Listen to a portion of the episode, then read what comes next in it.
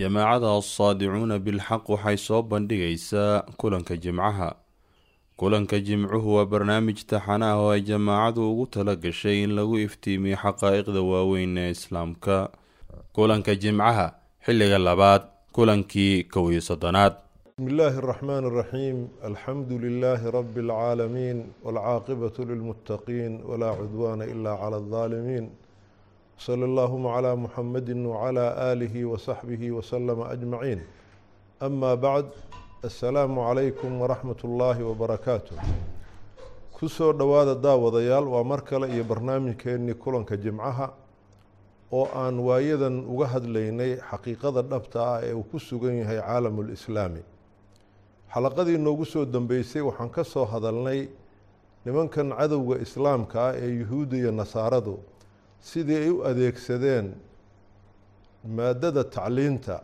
inay ku fidiyaan afkaartan duminaysa islaamka ee calmaaniyada ah.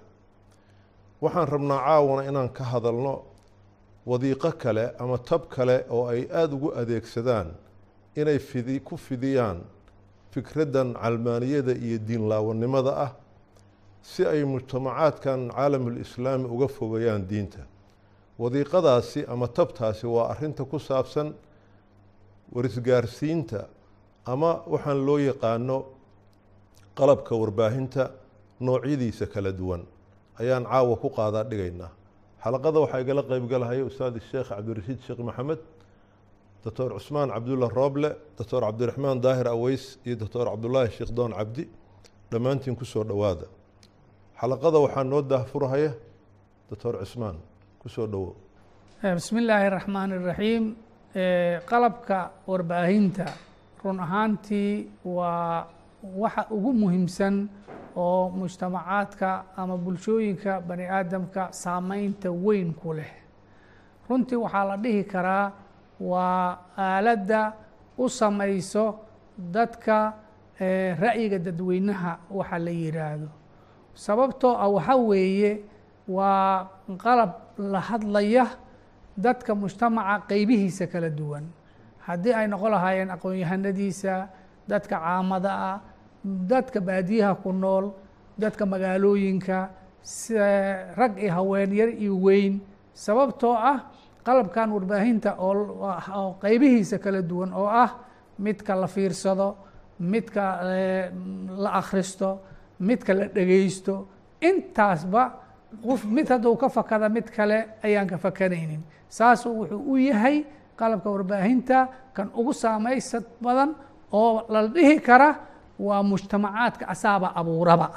Asaga ayaa ra'yiga u sameeya asagaa meeshii la raba loogu jeediyaa hadba meeshii la raba afka in loo saaro. Arrintaas maadaama muhiimaddaas uu leeyahay cadowga islaamka mar hore ayay ku baraarugeen saameynta ay arrintaa leedahay saa darteeda waxay ku dadaaleen inay gacanta ku dhigaan.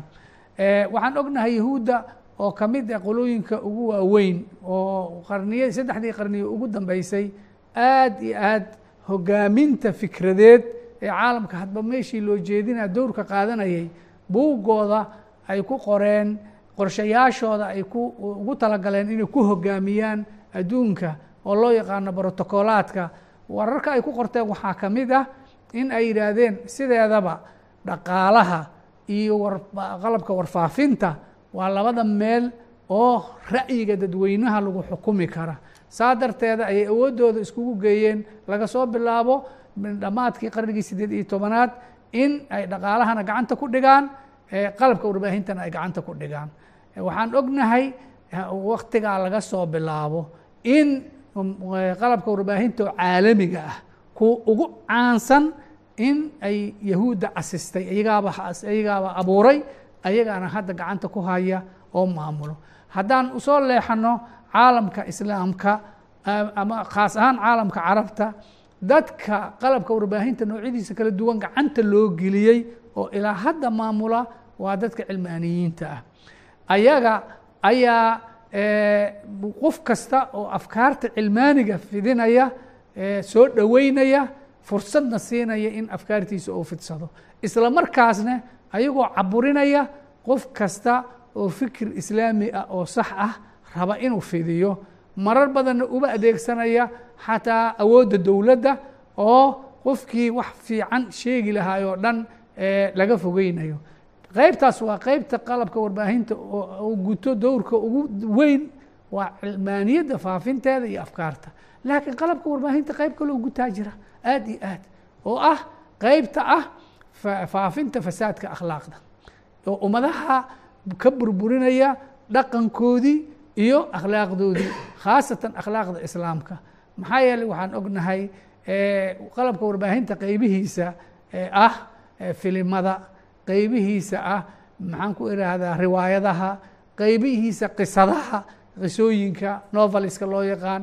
Qeybahaasoo dhan waxaad ogtihiin waxaa lagu faafiya oo ugu saldhigsan waa waxyaalaha akhlaaqda liiliidata ah oo dadka iyadoo looga soo gabanaya waa fan waa suugaan waa madadaalo.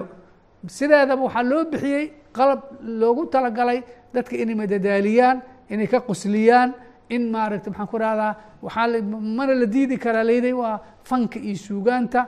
Qofkana buu u yahay wuxuu rabo ayuu faafsan karaa. Sidaasaa marka qeybtaasna qalabkii warbaahinta door weyn wuxuu ugu qaatay ummadihii akhlaaqdoodii in la burburiyo. Waxaa la yaab leh qof kasta oo fikrad islaam oo sax ah ummadda akhlaaqdeeda iyo diinteeda iyo anshaxeeda sidii saxda eedo ilaahay raalli ka ahaa horseedaya hadduu soo baxane qalabka warbaahinta waa midka ugu caansan oo loo adeegsado dadkaas caburintooda iyo afka uqabashadooda maxaa yeeley isla markii dicaayad waxaa lagu furayaa waa argagixiso waa maaragtay seeflabood waxa weeye maaragtay wuxuu ka soo horjeedaa horumarkuu ka soo horjeedaa boqol magac oo dadka loogu cararsiiyo waxa faafiya oo dadka afka u laqina dadkaas dad halaysan inay yihiin waa qalabka warbaahinta. Marka wuxuu noo reebtay male intii xumeedna waa nagu faafiyey intii wanaagsaneedna waa la iska afqabtay. Baaraka allah fiik.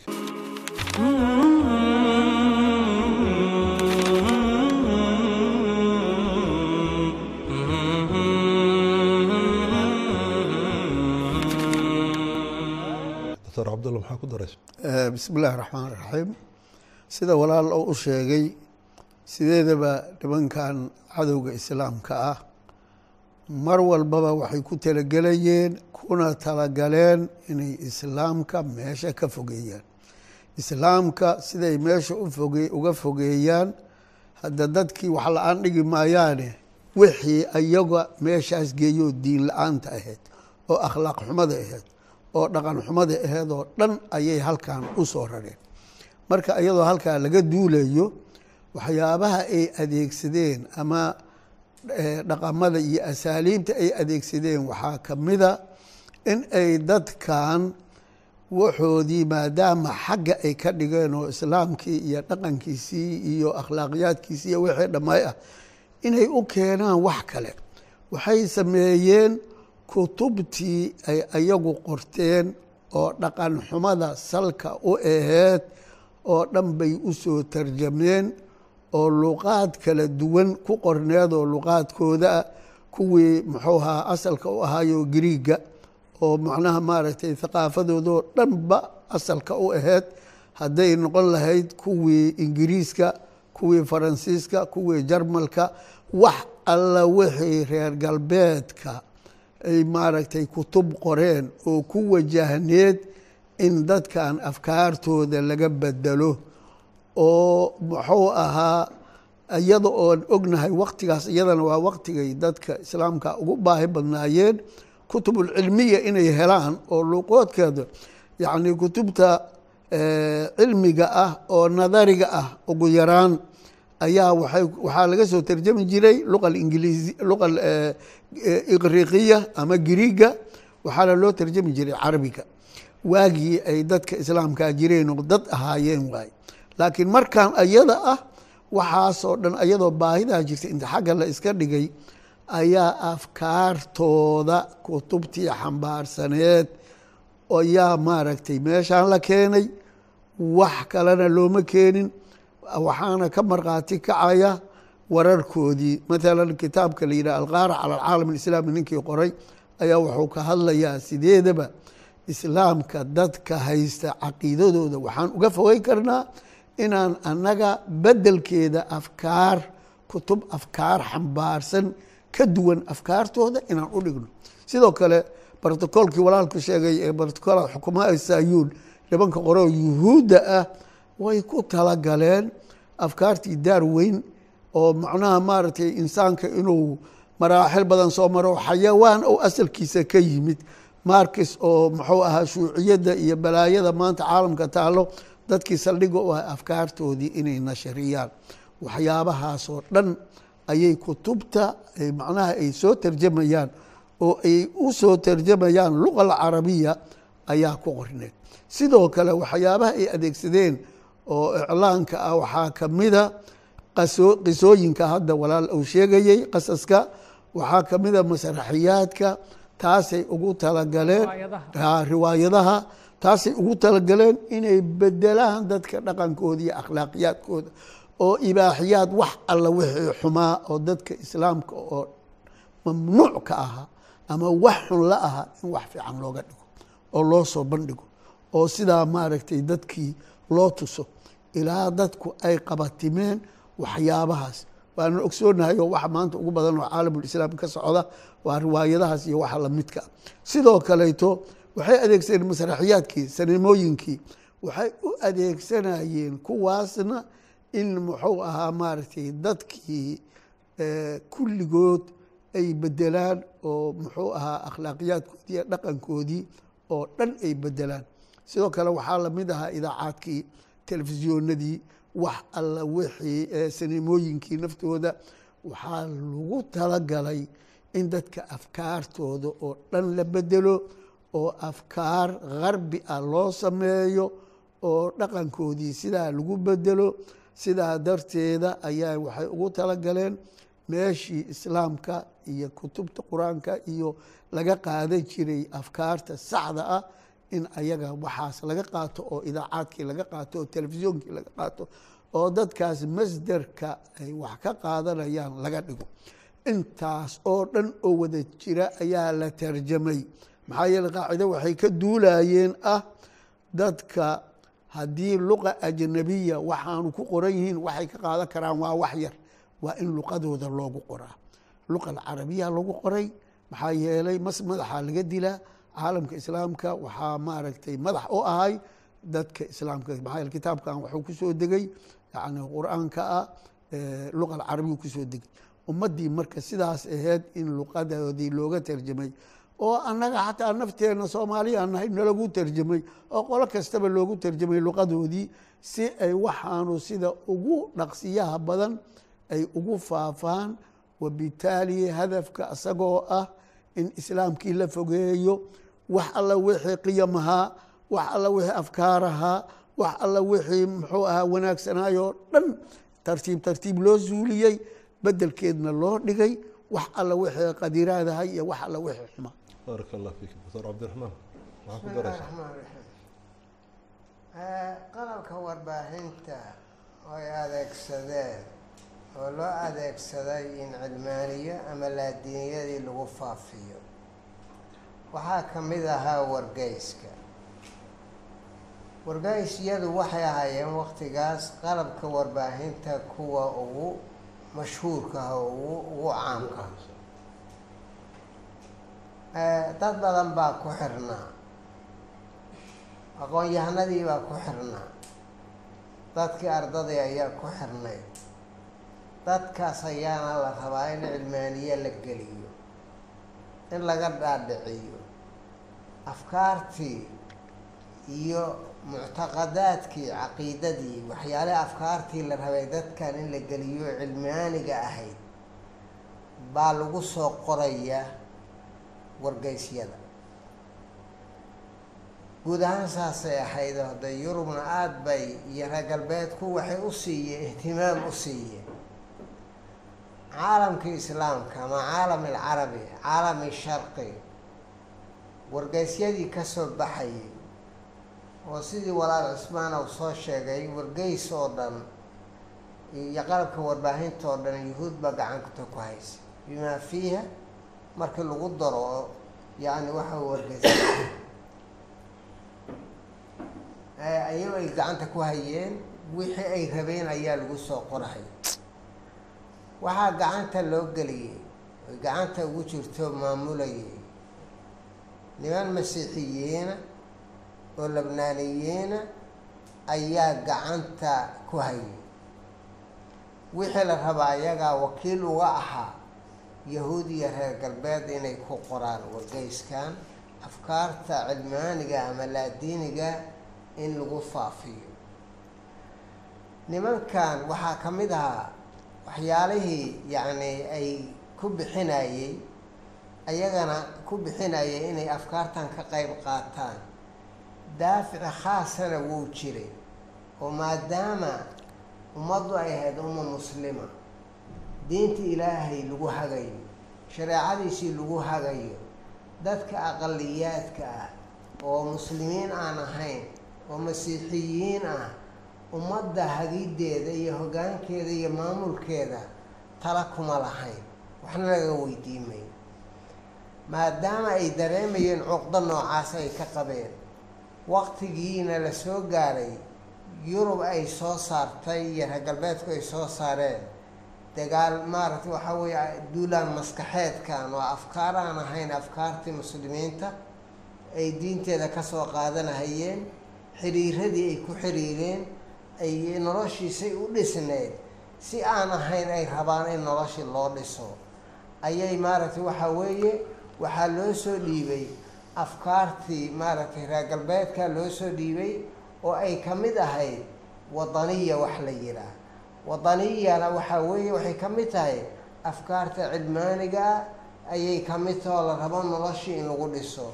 See lagu dhisayaa waddankii maadaama ay degan yihiin dad muslimiina kuwo majuusiyiina kuwo maarooniyiina ama masiixiyiin ay degan yihiin masaalixna ay ku wada leeyihiin waddankii waxaa weeye waa waddan jamiicuhu intaasoo dhan ka dhexeeya diinuna allay khaas u taha alwadanu liljamiic ayaa halhays u ahaa diintana yacni lilaahi allah iskale sidaas darteeda xiriirka iyo asaaska nolosha lagu dhisayo qowmiga ah waa in laga hormariyaa yacni asaas kasta laga hormariyaa kii diiniga ahaa laga hormariyaa.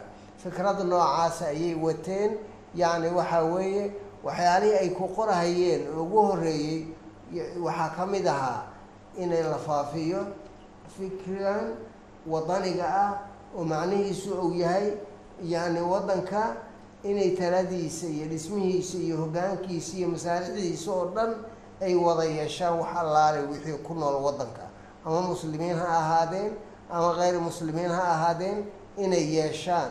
Yacni hoggaankan ay ka qayb galaan. Kii masiixiga ahaa ou qabto madax yani madaxweynenimadii iyo hoggaankii ou qabto kii muslimka ahaa ou qabto saas maaragtay waxaa fikrad ku baaqe oo xor ah ayay wateen tii ayay ku qorayeen. Waxay ku qorayeen oo kale yacni yurub si yowmi ah ay ugu qorayeen.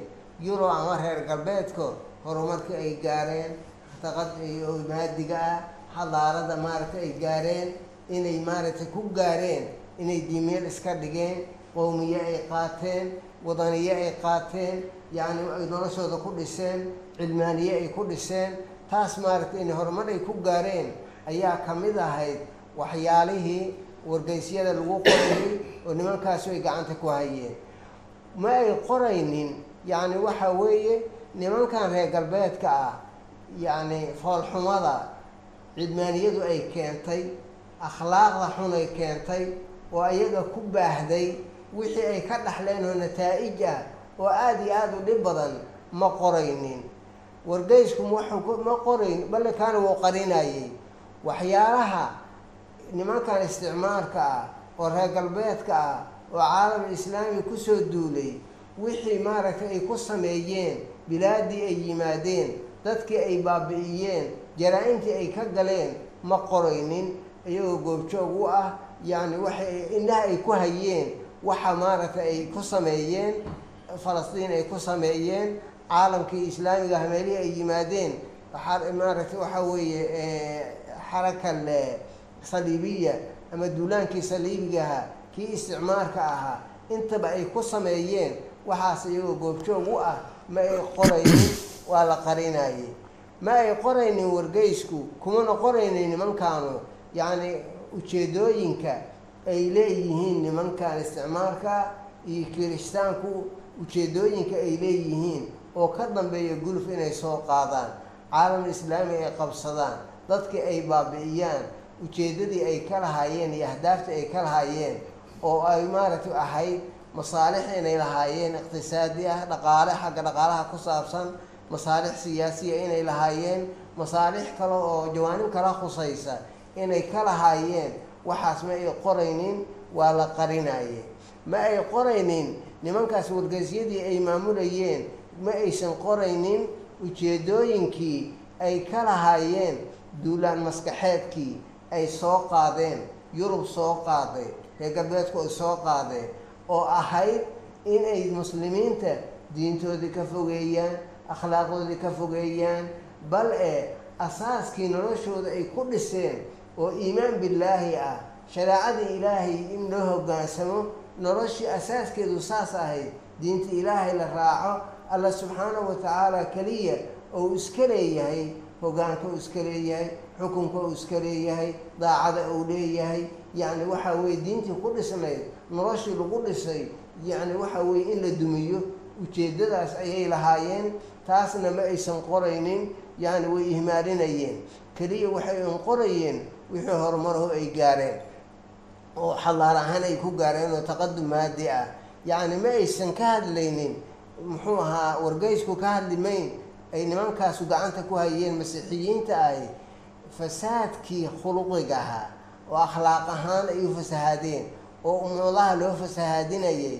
Caalamul islaamina la rabay in loo soo raro ka hadlimayn wixii ka jiray oo dhaqdhaqaaqa oo fasaadaho ay ka wadeen yacni caalamul islaami kama ay hadlaynin.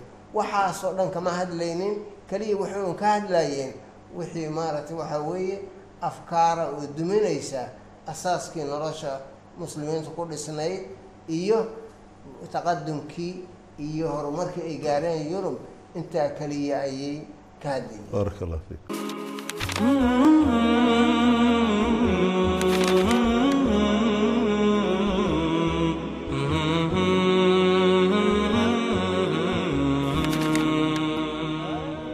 baarak allah fiik ustaad cabdirashiid ay maxaa ku daraysa bismi illahi raxmaan raxiim siday walaalaha warka ay soo sheegeen horta waa war macnaha aada iyo aada u qiimo badan.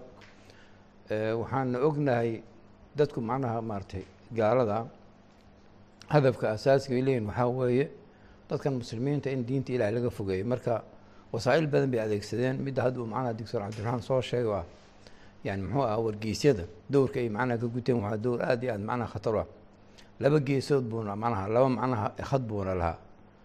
Khadka koowaad waxaa weeye islaamka macnaha dowrkiisi in macnaha la soo koobo oo laga dhigo macnaha qadiya taariikhi ah macnaha maarata aan dib u soo noqonaynin oo saas in loo dulmaro maarata sidoo kale yani macnaha maaragtay in ummadda lagu xiro islaamka sheeganaysa eh, muxuu ah ilbaxnimada reer galbeedka oo waxaa weeye laga dhigo macnaha maaragtay meesha keliya ee laga qaadan kara ilbaxnimo iyo macnaha horumar inay tahay macnaha maaragtay in eh, thaqaafada reer gal- reer galbeedka in la qaato.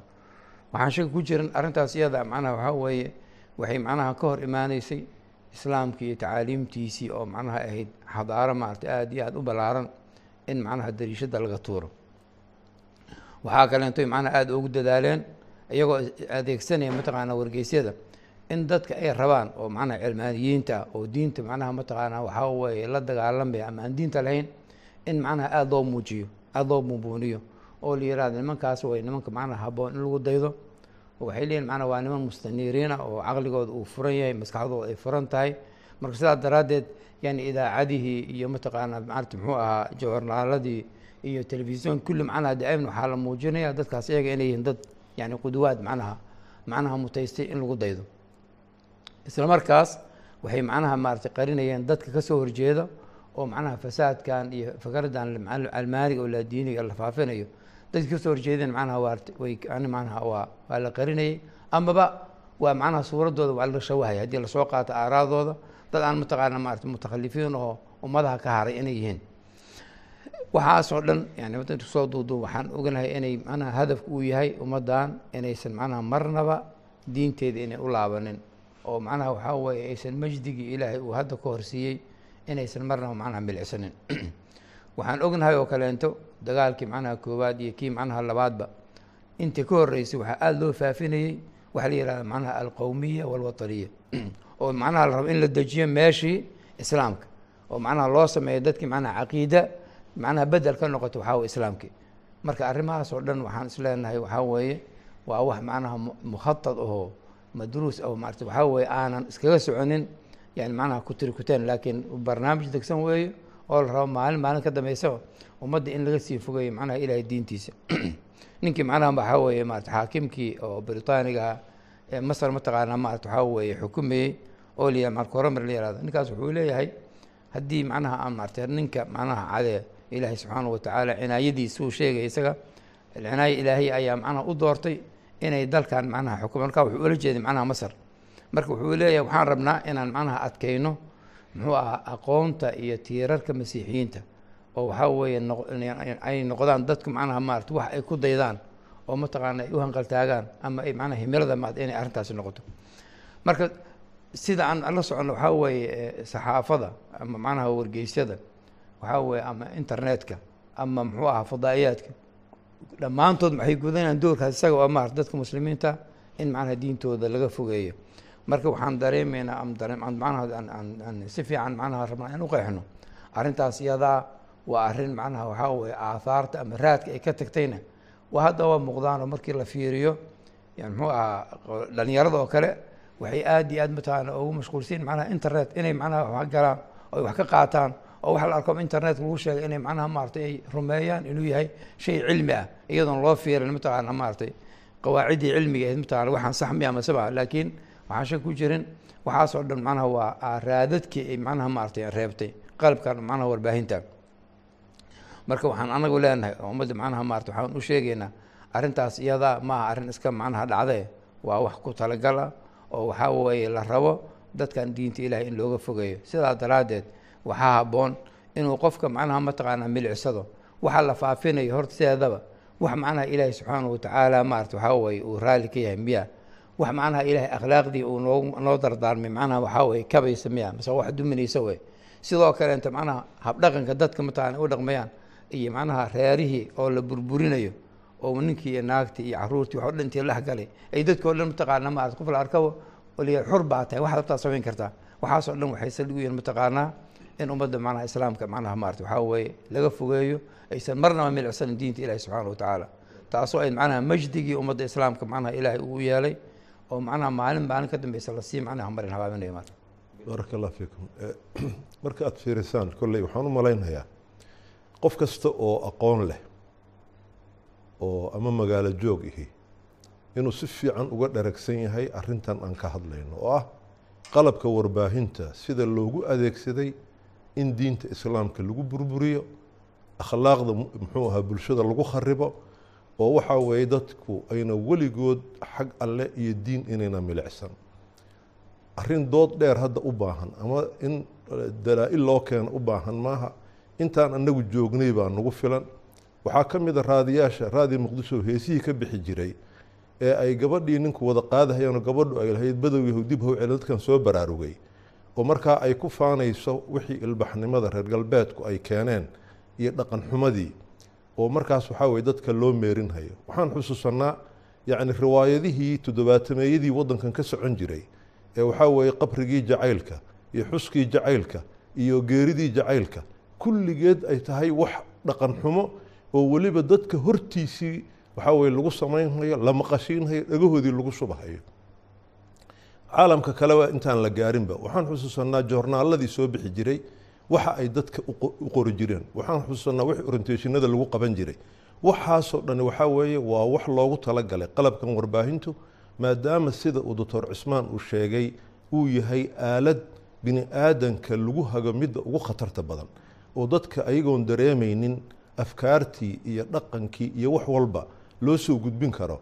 Nimankani way ku talagaleen marka inay ka faa'iidaystaan oo laba dhinacba yacni calmaaniyada diinlaawayaasha asalka u ana in lagu faafiyo oo qiimi loo yeelo dadka wadana laga dhiga dadka in lagu daydo mudan. Dhinaca kalena waxaa weeye akhlaaqda la baabi'iyo oo dadka laga soo saaro xayawaankaa dareerhaya oo kale. Ayadoo lagu kabahayo intaa in cid alla ciddii wanaag ka shaqaysa ama diin soo hadal qaada ama diin ku dhaqantana in la fool xumeeyo ilaa loo ekaysiiyo dugaag yacni in laga carara ay mudan tahay. Waxaasi marka iskama aha wax iska dhacaye waa barnaamij degsan oo ah ay ku talagaleen reer galbeedku. Sidaan horey u sheegnay maadaama ay ka adkaadeen caalamulislaami oy qabsadeen inayna dadkan weligood ayna soo jeesan oo halkaa laga sii wado la cayriyo la cayriyo la cayriyo ina weligood dib soo eegin. Sidaa daraaddeed marka waxaan leenahay war wuxuu iskama socdaane qolaa wadee haddii la rabo dadkani inay dadnimadoodii iyo maalin maalmaha ka mida karaamadii iyo hoggaankii ay hayn jireen hadday rajo ka qabaan hadda waddada keliya u furan waxaa weye inay ilaahay diintiisii u laabtaan subxaanahu wa tacaala.